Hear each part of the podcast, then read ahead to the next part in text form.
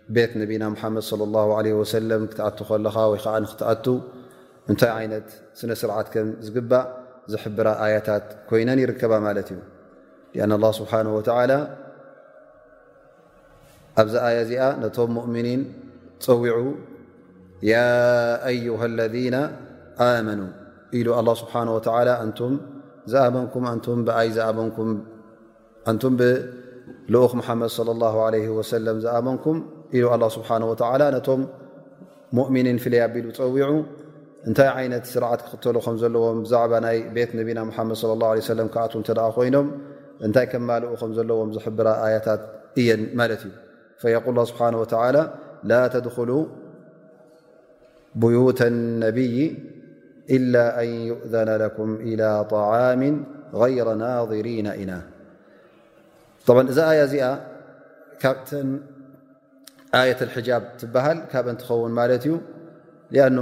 እዛ ኣያ እዚኣ ነቢ ለ ላ ለ ወሰለም ዛ ኣያ እዚኣ ነዛ ኣያ እዚኣ ቀሪኡ ሕጃብ ከም ተኣዘዛ ኣንስቲ ነቢና ሙሓመድ ለ ላ ለ ወሰለም ዝሕብር ኮይኑ እሞ እነቢ ስለ ላ ለ ሰለም እውን እቲ ቅድሚ እዛ ኣያ እዚኣ ከይወረደት ከላ ዝፍቀድ ዝነበረ ብድሕሪኡ ከምዘይፍቀድ ነቶም ብፆቶም ኣርኦሞምን ሓቢሮሞምን ማለት እዩ عمر بن اخطاب- يقول كما جاء في الصحيحين وافقت ربي عز وجل في ثلاث قلت يا رسول الله لو اتخذت من مقام إبراهيم مصلى فأنزل الله تعالى واتخذوا من مقام إبراهيم مصلى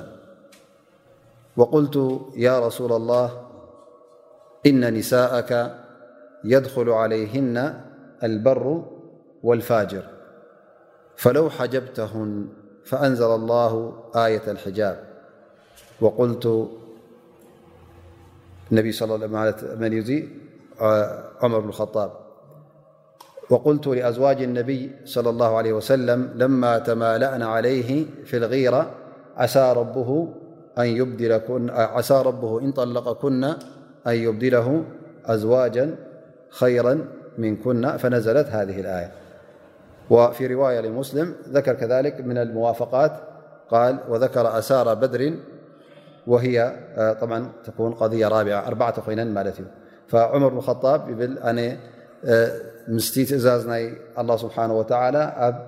ኣርባዕተ ትርኢቶናተይ ገጢሙ ይብል ማለት እዩ እታ ቀዳመይቲ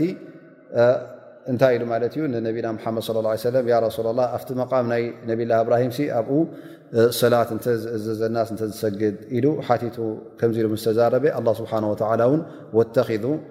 ምን መቃሚ እብራሂማ ሙሰላ እትብል ኣያ ኣላ ስብሓን ወተላ ኣውሪዱ ማለት እዩ ከምኡ ካብቲ ዝሃብክዎ ርእቶ እንታይ ነይሩ ይብል ያ ረሱላ ላ ኢሉ ነቢና ሓመድ ለ ላ ሰለም ኣንስትኻስ ጥዑይ ሰብ ኣሎ ሕማቕ ሰብ ኣሎ ይኣትውዎን ኣለዉ እሞኒ እዞም ዝመፁ ዘለዉ ሰባት ኩሎም ሰብ ር ኣይኮኑን በዓል ር ኣሎ እዚኣ በዓል ር እውን ኣሎ ስለዚ ኣንስትኻ ፍልይ ኣቢልካ ሕጃብ ትትገብረለን ኢለ ርእቶ ምስ ኣቕረብኩ ኣላ ስብሓን ወተላ እውን ነዚ ርእቶ ናተይ ዝድግፍ ኣያ ኣታት ኣውሪዱ ማለት እዩ ሽዑ ኣየተል ሕጃብ ወሪዳ ይብል ከምኡ ውን ኣንስቲ ነቢና ሓመድ صለ ላه ለ ሰለም ኩለን ተኣኪበን ንነቢና ሓመድ ص ሰለም ወይ ፅቡቕ ጌርካ ፅቡቕ ናብራ ኣንብረና ኢለን ሓታ ምስ ጀመራ ወይ ከዓ ንነቢና ሓመድ صለ ه ሰለ ፀቕጢ ክገብራ ምስ ፈተና ኣነ ከምዚ ዝብል ምናልባሽ እንታይ ኣለዎ ሞ ያ ረሱላ ተጠላቕካየን ኣ ስብሓ ወ ካብአን ዝበለፃ እውን ህበካ ኸውን ኢለ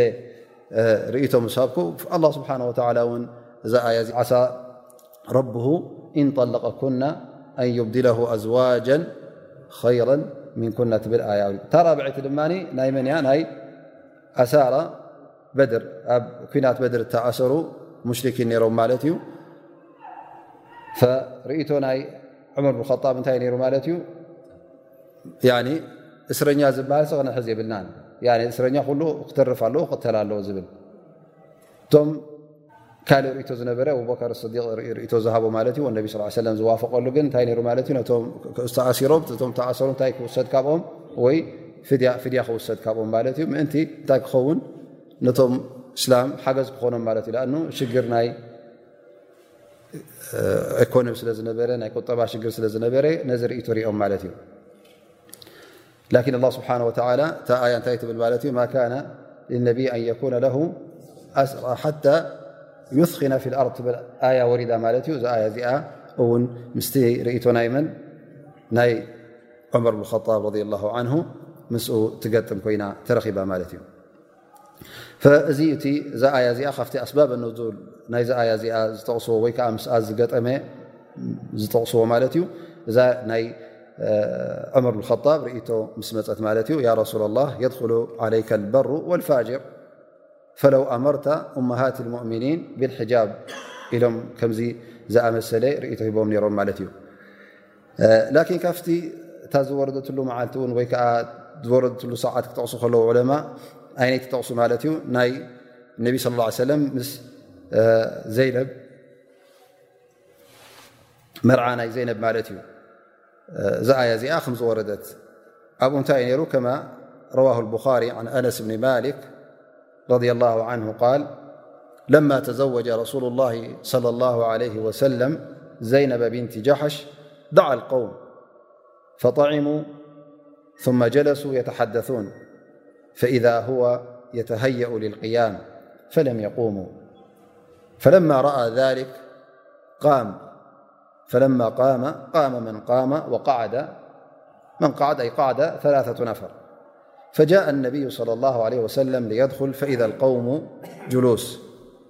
ثم إنهم قاموا فانطلقوا فيقول أنس فجئت فأخبرت النبي - صلى الله عليه وسلم - أنهم قد انطلقوا فجاء حتى دخل فذهبت أدخل فألقى الحجاب بيني وبينه فأنزل الله تعالى يا أيها الذين آمنوا لا تدخلوا بيوت النبي إلا أن يؤذن لكم إلى طعام غير ناظرين إناه ولكن إذا دعيتم فادخلوا فإذا طعمتم فانتشروا ርዋያት ናይዚ ሓዲስ እዚኣ ብብዙሕ ዓይነት ኣሎ ማለት እዩ ላን ከምዚኣ ማለት እዩ ኣነስ እብኒ ማሊክ ከምቲ ኩላና ንፈልጦ ሓደ ካብቶም ንነቢና ሓመድ ስ ሰለም ዝኸድሙን ዘገልግሉን ዝነበረ እዩ ፈይብል ኣብ መርዓ ናይ ዘይነብ ብንቲ ጀሓሽ ነቢ ስ ሰለ ዘይነ ብ ጀሓሽ ዝተመርዓው እንታይ ገይሮም ማለት እዩ ሰብ ዓዲሞም ማለት እዩ በልጃ ፊ ርዋያት ራ በነ ነቢ ስ ሰለም ብዘይነብ ብንቲ ጀሓሽ ብክብዚን ወላሓም ፈርሲልቱ ع ጣሚ ዳያ ነቢ ስ ሰለ መርዓ ናይ ዘይነብ ምስ ገበሩ ብምንታይ እዮም ገሮሞ ነሮም ማለት እዩ ስጋን ዝ ማለት ዓ ቅጫ ማለት እዩ ጫ ወይዓ ከምኡ ተመሳሳሊ ማለት እዩ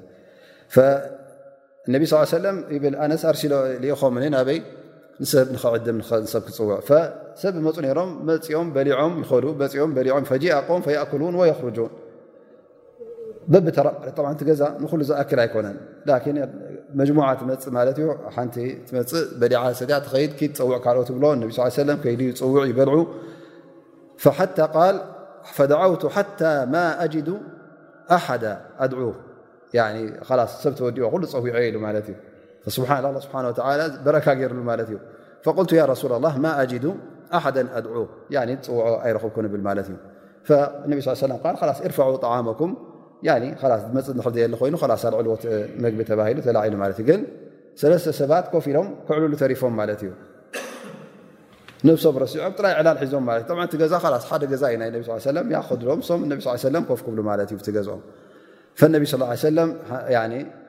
ተንቀሳቂሶም ክብገሱ ገለ ደልዮም ሰብ ናልባሽ ዝተሰ ኢሎም ዝትሰ ኣይተረኸበን ኣብ መጨረሻ ተሲኦም ነቢ ለ ላ ሰለ ዋያ ካብ ሰለስተ ብዙሓት እዮም ሮም መጀመርያ ነቢ ስ ሰለ ተሲኦም ደገ ወፅኦም ማለት እዩ ቶም ሰባት ሕጂ መብዝሕቶም ደድሕሪኦም ወፅኦም ም ሰለስተ ላኪን ዕላል ሒዞም ተሪፎም ማለት እዩ ፈነቢ ስ ሰለ ኣብዚ ግዜ እዚ ኢሎም ስ ዘወር ክብሉ ኣበይ ከድዮም ማለት እዩ ናፍተን ኣንስቶም ሰላም ክብልዎም ከይዶም ማለት እዩ መፅኦም ሰላም ኩም ኣህለልቤት ብሎም ኩም ሰላም ከመይ ረኪብኩም መርዓ ገርምታት ኢሎም ይሓትኦም ስድራ ሓደሽቲ ስድራ ከመይ ሓዳሽ መርዓት ከመይ ረኪብካያ ብለዎም ኣብ ኩሎም ከምኡ ገይሮም መፅኦም ማለት እዩ እነቢ ስ ሰለ መፅኦም መፁ ገና ኮፍ ኢሎም ጸኒሖሞ ማ ነቢ ስ ሰለም ውፁ ክብልዎም ሓፊሮም ሓያ ገይሮም ማለት እዩ ኣኑ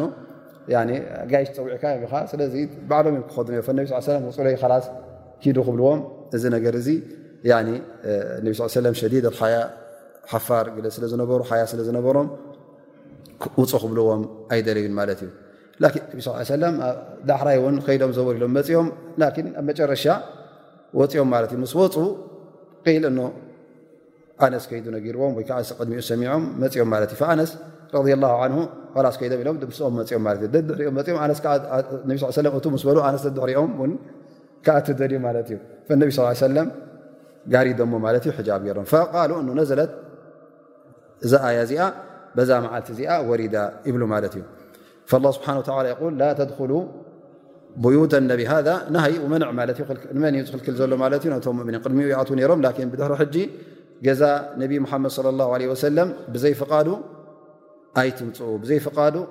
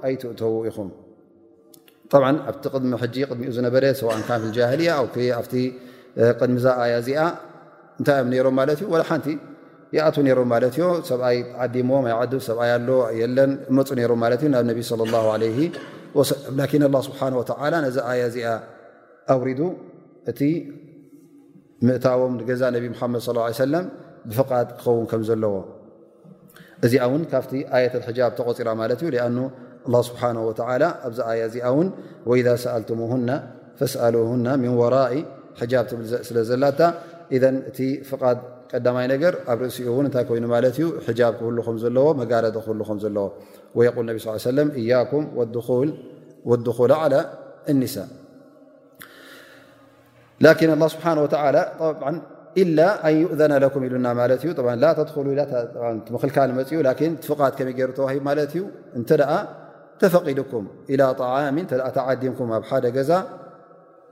ወይ ከዓ ነቢ ስ ለም ዓዲሞምኹም ውፁ ኢኹም ኣይትምፁ ክበሃል ከሎ መናሃ ካላት ፈፂምኩም ኣይትምፅዎም ሰላም ኣይትበሎም ዋላ ኣይትሕተትሎም ማለት ኣይኮነን ላኪን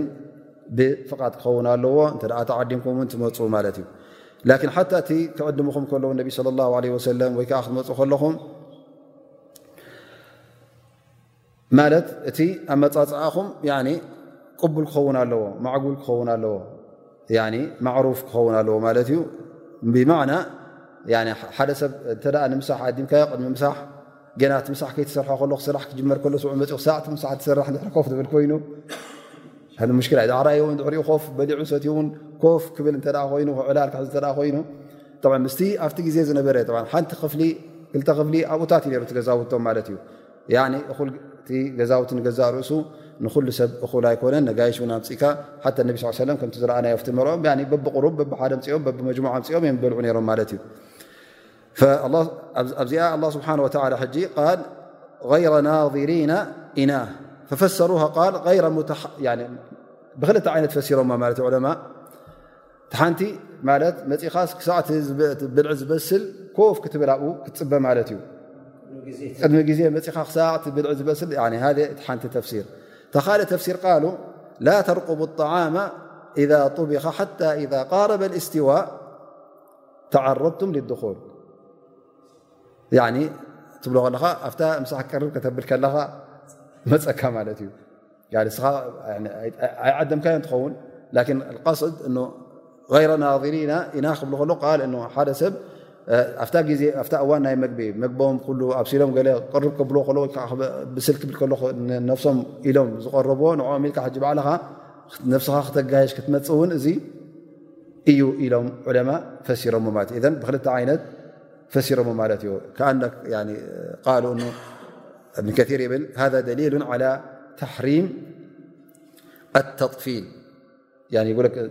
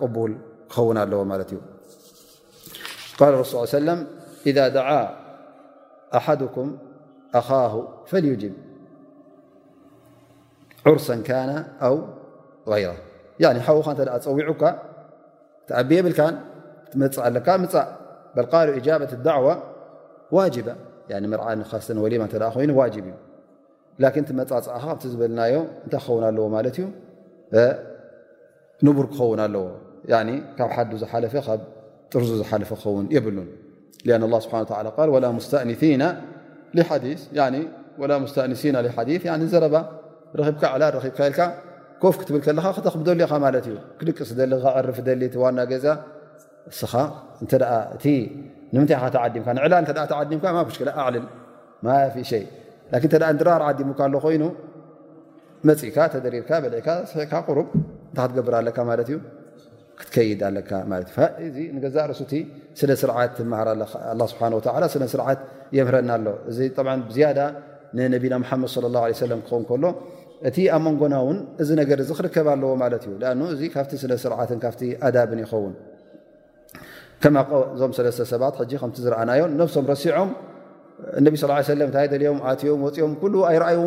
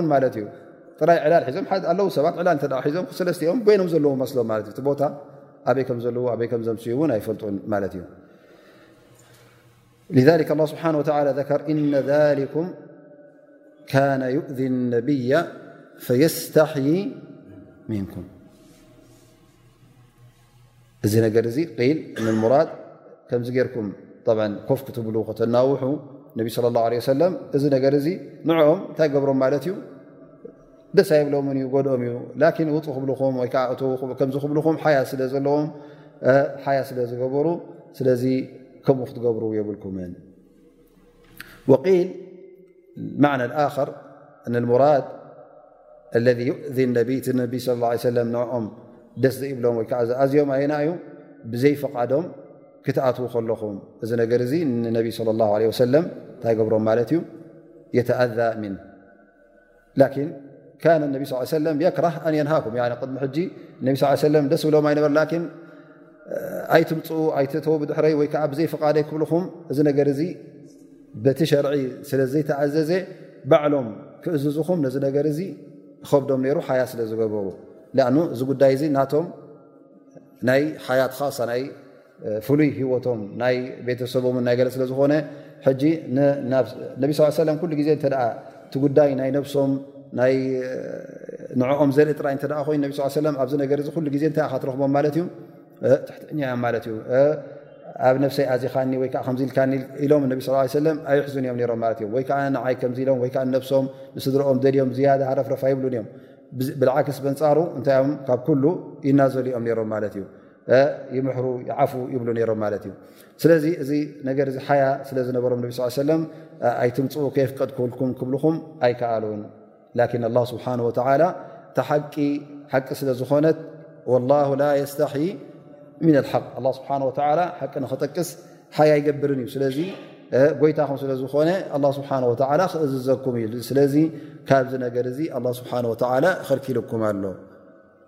ማለት ብዘይ ፍቓድ ክትኣትዉ የብልኩምን እንተ ተፀዊዕኩም ድማ ምፁ ሕራ ኢልኩም ላኪን ካብቲ ንቡር ዝያዳ ኩፍ ክትብሉን ክትፅበዩ ናብቲ ገዝኦም የብልኩምን እዚ ተቀዳማ እዩ ከምኡ ውን ነተን ኣንስቶም ብድሕሪ ሕጂ ኣብ መንጎኹምን ኣብ መንጎኦምን እንታይ ክኸውን ኣለዎ እንታይ ክርከብ ኣለዎ መጋረዲ ሕጃብ ክርከብ ኣለዎ ል ወኢዛ ሰኣልትሙና መታዓ ፈስኣሉና ምን ወራኢ ሕጃብ ከምቲ ኣላ ስብሓን ወተላ ምእታው ዝኽልክለኩም ከምኡ ውን ነንስቶም ንኸይትርኡ ይኽልክለኩም ኣሎ እንተ ኣድላይ ነገር ኣሎ ኮይኑ ውን ካብ እትደልዎ ነገር ክትዛረብዎን ወይ ዓ ካብ እትሓትዎ ነገር ኣቕሓ ክትወስዱ ገለ እተ ደሊኹም ውን እንታይ ክኸውን ኣለዎ ማለት እዩ ኣብ መንጎኹምን ኣብ መንጎኦን ሕጃብ ክርከብ ኣለዎ መጋረዲ ክርከብ ኣለዎ ማለት እዩ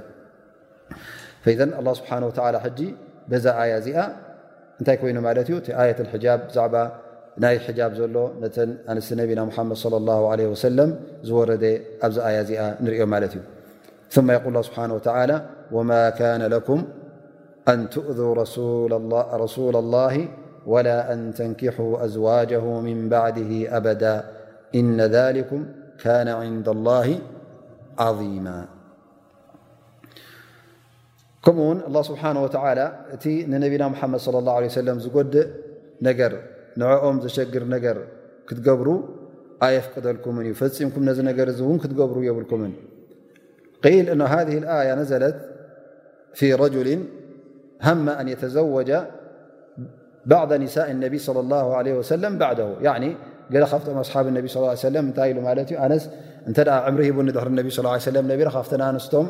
ሓንቲ ክምርዖ ዩ ዝብል እንታይ ገይሩ ማለት እዩ ከምዚ ኢሉ ሓሳብ ገይሩ ማለት እዩ ል ጠብ ቃሉ ንሃ ረል ገሊኦም ይዝክሩ ማለት እዩ ን ጠልሓ እብን ዑበይድላ ላ ስብሓን ወተላ ሕጂ ነቢህዎም ማለት እዩ ከምዚ ዓይነት እዚ ሓሳብ ክህልዎም የብሎን ፈፂሞም ውን ኣንስቲ ነቢ ሓመድ صለ ላ ለ ወሰለም ኣዴታቶም ስለ ዝኾና ከም ኣዴታቶም ስለ ዝቁፅራ ኣላ ስብሓን ወተላ ካብዚ ነገር እዚ ከልኪልኩም ኣሎ በል ላ ስብሓን ወተላ እዚ ጉዳይ እዚ ኣንስቲ ነቢና ሓመድ ስ ሰለም ምምርዓው ሓራም ከም ምኳኑ እቲ ሑርማናት እውን ቀሊል ኣይኮነን እንታይ ደኣ ካብቲ ከባኢረ ኑብ ካብቲ ዓብ ዝኾነ ዘንብታት እዩ እነ ሊኩም ካነ ንዳ ላ ዓظማ እዚ ነገር እዚ እተ ፈፂምኩም ነዚ ነገር እተ ዘይፈፀምኩም ማለት ነቲ ኣላ ስብሓን ወተላ ዝኸልከለኩም ካብኡ እንተ ዘይተኸልከልኩም ኣብ ዓብዪ ጌጋ ኢኹም ትወጥቁ ዘለኹም ማለት እዩ ኣን ኣላ ስብሓን ወተላ እዘን ኣብ ኣዱንያ ኣንስቶም ዝነበራ ነቢና ሙሓመድ ለ ላ ለ ወሰለም ኣብ ኣራ እውን ኣንስቶም ክኾና ስለ ዝወሰነ ኣላ ስብሓን ወተላ እዘን ኣንስቶም እዚአን ክትምርዓወን ኣይፍቀደኩምን እዩ ኣጅመዓ ዑለማ ቃጢባ ነቢ صለ ላ ለ ወሰለም ኩለን ተን ኣንስቶም ከለዋ ዝሞቱ ነቢ ክሞቱ ከለዎ ኣንስቱ ዝነበራ እዚአን እንታይ ን ኩለን ክትምርዓወን ዝኾነ ይኹን ሙእምን ሓራም እዩ ኣይፍቀድን እዩ ከምኡ ውን ኣላ ስብሓን ወተላ እዘን ኣንስቶም እዚአን ኣብ ኣራ ኣንስቶም ከም ምዃነ ኣላ ስብሓን ወተላ ነጊሩና ማለት እዩ ፈሂና ኣዝዋጅ ፊ ዱንያ ወልኣራ እዚ ነገር እዚ እውን እቶም ብድሕሪ ነቢና ሓመድ ስ ሰለም ኣንስቶም ነቢረን እየን ክነዊሕ ዓመታት ፀኒሐን እየን ፈፂሙ ዝኾነ ይኹን ኣስላማይ እውን ንክምርዓወን ኣይ ሓሰበን እሰን እውን ከይተመርዓዋ ሞይተን ማለት እዩ ስለዚ እዛ ኣያ እዚኣ ሓታ ክሓቱ ከለዉ ገለ ሰባት ይብሉ ካብ ኣንስቲ ነቢና ሓመድ صለ ه ሰለ ምርዓው እንታይ እዩ ኢልና ጂ ካብቲ ከባር ኑ ኢሎም ኣብ እመት ሓመድ እተ ስብሓ ላ ዝኸልከሎ ጉዳይ እመት መሓመድ ዘይገበረቶ እተ ኣሎ ኮይኑ እዚኣ ጥራይ እያ ብማዕና ካብ ኣንስቶም ንኸይምርዓው ተኸልኪሎም ማለት እዩ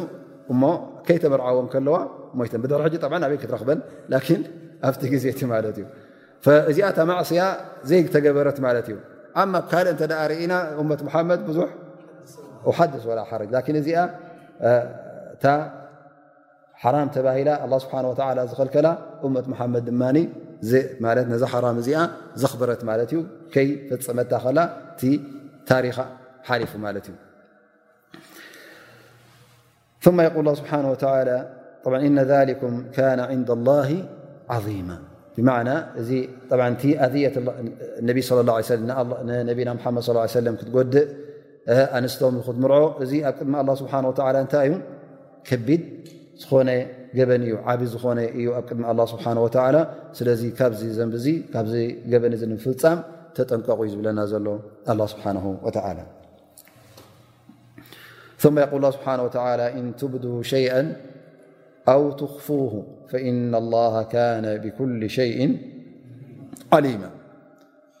ኣንቱም ደቂ ሰባት ዝኾነ ይኹን ነገር ኣግህድዎን ሕብእዎን ምስጢር ግበርዎን ደኣ እምበር ኣላ ስብሓን ወተዓላ ካብኡ ዝሕባእ ነገር የለን እንትብዱ ሸይአ ኣው ትኽፉ ሓደ ነገር ክትገብሮ ወይ ከዓ ክትሓስቡ ከለኻ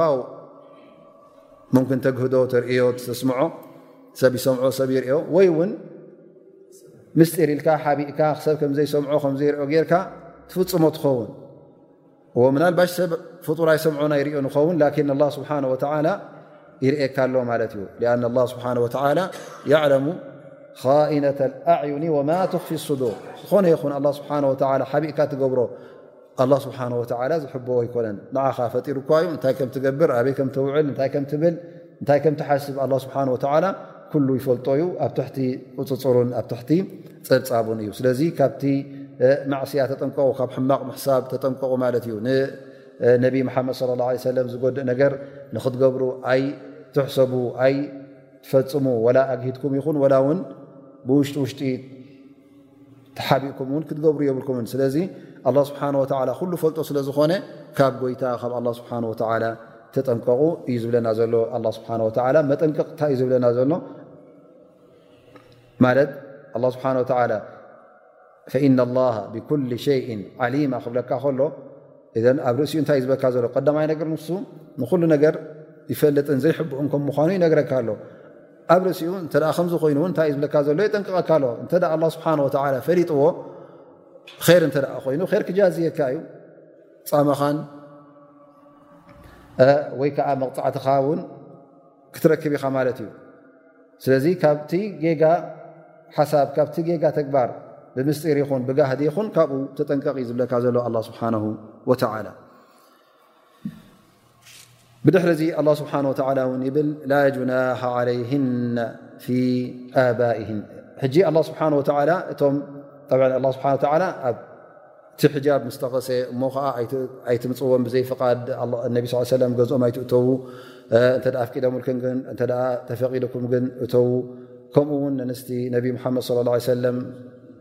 ክትሓትዎ እንተ ኮንኩም ገለ ነገርሲ ኣብ መንጎኹምን ኣብ መንጎእንን ሕጃብ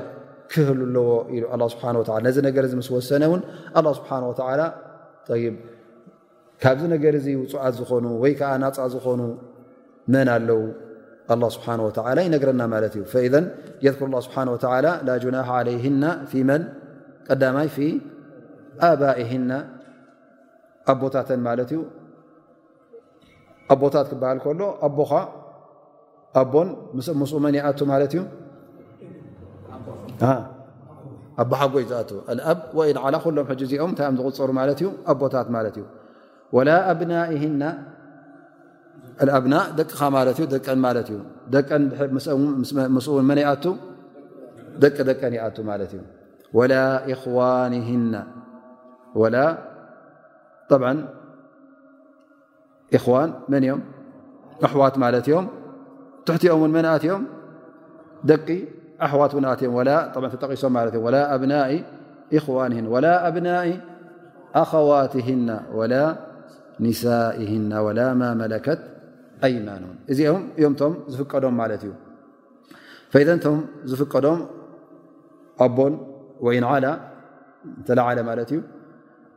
ወይ ከዓ ውላድ ወላ ውን ተተሓተ ወይ ውን ኣሕዋት ማለት እዩ ንተተሓት ውን ሓውኻን ወዲ ሓውኻን ከምኡ ውን ደቂ ሓፍቶም ማለት እዩ ደቂ ሓፍተን ኣብና ይክዋን ብ ሓፍተ ላ ስብሓ ላ ኣሕዋት ክን ኣይበለ ኣ ኣሕዋት እንታይ ኣንስን ደቂ ኣንስትዮ ስለ ዝኾና እትዋት ኣይኮና ኣ እተን መሓረማት ኣይና ይጠቅስ ዘሎ ስብሓ እቶም መጀመርያ ደቂ ተባዕት እዮም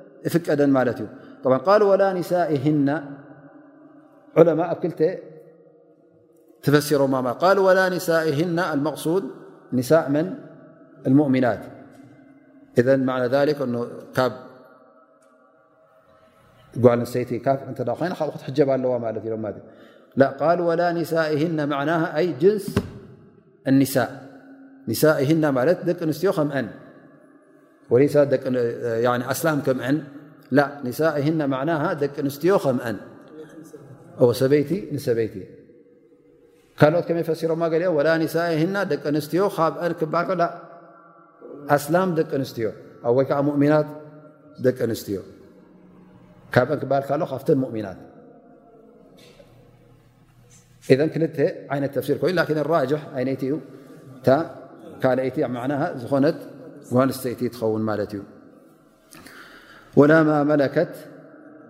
ኣይማንሁን ከሊክ ቶም ምልከ ልየሚን ኣብ ትሕቲአን ብምሉ ምልከ ልየሚን ክበሃል ከሎ ብዙሕ ዓይነት ነይሩ ማለት እዩ እቲ ምልከ ልየሚን ሙሉእ ምልከ ልየሚን ክኸውን ከሎ ማለት እዩ ማለት እዚ ሰብ እዚ ብምሉኡ ባርያ ን ሓ ሓደ ግዜ ፍርቁ ወይ ርብዑ ወይ ዓሰርተ ካሚት ምናልባሽ ተወረሰ እንተ ኮይኑ ሕጂ ኣብ መን ይምቀል ኣፍቶም ወረስቲ ምቀል ምኩን ፍርቁ ናይ ትኸውን ፍርቂ ናይ ታጓል ምኩን ርብዒ ወሲዳ ትኸውን ሓዋ ርብዒ ሓደ ፍርቂ ከምኡ ንሕር ኣሎ ኮይኑ እዚ እንታይ ይኸውን ማለት እዩ ሕጂ እዚ ሙሉእ ናታ ስለ ዘይኮነ ማ ያሕሩም እዚ ካብኡ እንታይ ክትገብር ኣለዋ ማለት እዩ ክትሕጀብ ኣለዋ ማለት እዩ ላኪን ሙሉእ ብምሉእ እንተ ናታ ጊላ ወይ ከዓ ናታ ባርያ እንተ ኮይኑ እዚ ተፈቒድወን ማለት እዩ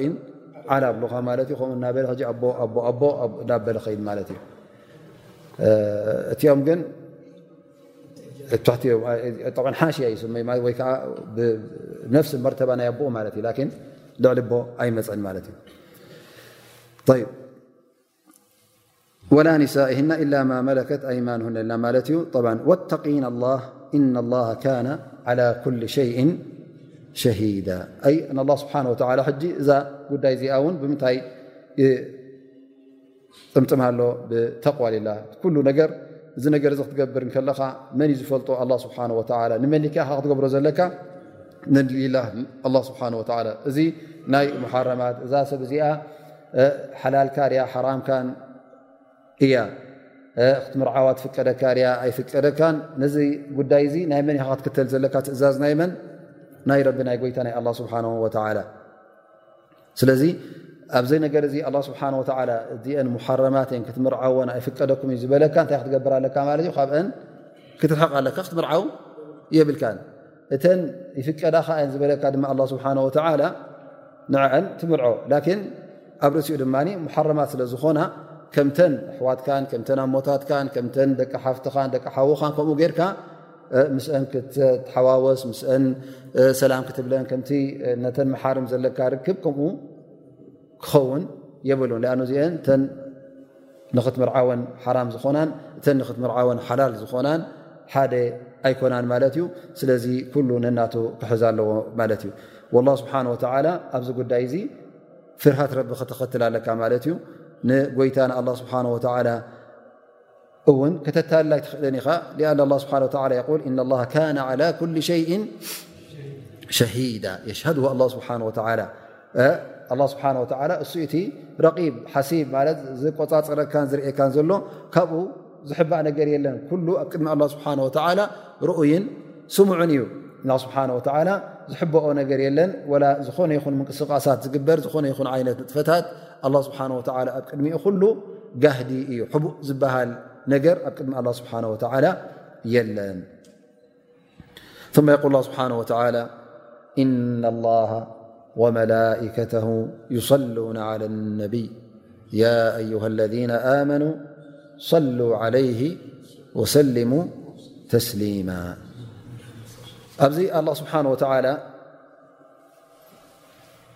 ንሱ ባዕሉ ከምኡ ውን እቶም ምሩፃት ዝኾኑ መላካ መላእኽቲ ኩሎም ንነቢና ሙሓመድ صለ ላሁ ለ ወሰለም ከም ዝምጉሱን ነቢና ሓመድ صለ ላ ሰለም ምሕረት ከም ዝሓቱን እነሀ ይርእየና ኣሎ ማለት እዩ ኣላ ስብሓን ወተላ እውን ንነቢና ሓመድ صለ ላ ለ ወሰለም ፍሉይ ዝበለ ርህራሃ ከም ዝገበረሎም ይሕብረና ኣሎ ማለት እዩ ፈኢና ላሃ ወመላከተሁ ኣላ ስብሓን ወተላ ብመን ጀሚርዎ ብነፍሱ ጀሚርዎ ማለት እዩ ቀዳማይ ማ ሰና ብልመላካ ኣ ስብሓን ወተላ ባዕሉ ከምኡ ውንቶም መላካት ንመን ንነቢና ሙሓመድ ለ ላ ለ እዚ ሕጂ ክብሪ ንመን እዩ እቲ ክብሪ ናይ ነቢና ሙሓመድ ለ ላ ለ ሰለም ንክንፈልጥ ኣላ ስብሓን ወተላ ኣነ ነዚ ባርያ እ ነዚ ነብይ እዚ ይርህርሃሉን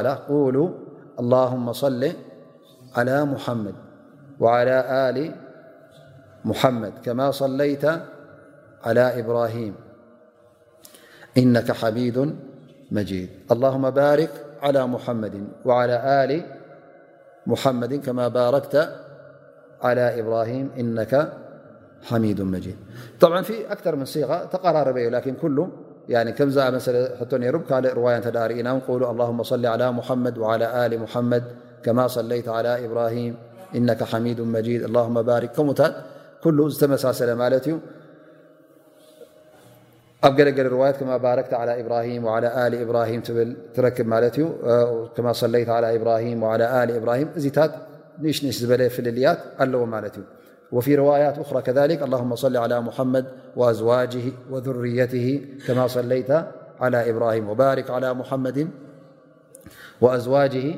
وذريته أوكما باركت على آل إبراهيم إنك حميد مجيد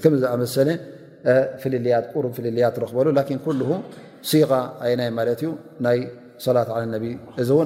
بر الت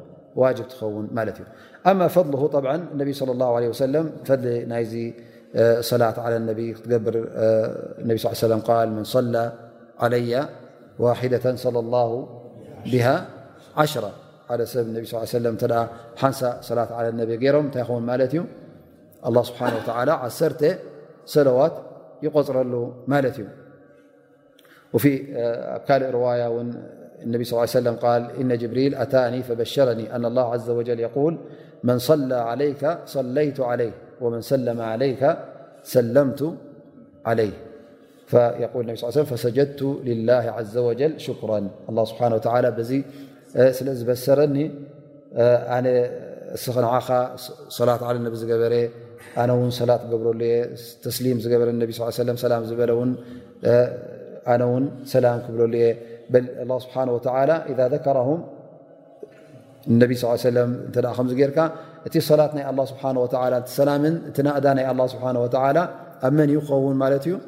ኣብቶም ክቡራት ዝኾኑ መላእካ ኣብ ቅድሚኡም እዩ ኣላ ስብሓን ወተዓላ ክንእደካ ንዓኻ ነቢ ስ ሰለም ድዓ ጌርካ ኣሎም ናእዳ ኣ ስብሓ ላ ይሰሊ ዓለይክ ወዩፍኒ ዓለይክ ፊ ልመላእ ኣዕላ ማለት እዩ ኢዘን እታ ሰላት ዓል ነቢ ንገዛእ ርእሳ እንታይ እያ ንዓኻ ዝያዳ ኣጅኻ ትረክብ ዘለኻ ማለት እዩ እንተ ሰላት ዓል ነቢ ጌርካ ላ ስብሓን ወተላ ዩሰሊ ዓለይከ ብሃ ዓሽራ ሓንቲ ዝገበርካ ንስኻ ክንደይ ትቁፅረልካ ማለት እዩ ዓሰርተ ነዚኣ ዝኣበየ ድማ ኩሉ ግዜ እንታይ እዩ ዝቁፅር ከምቲ ነቢ ስ ሰለም ዝበልዎ በኺል በቃቕ ንኣኑ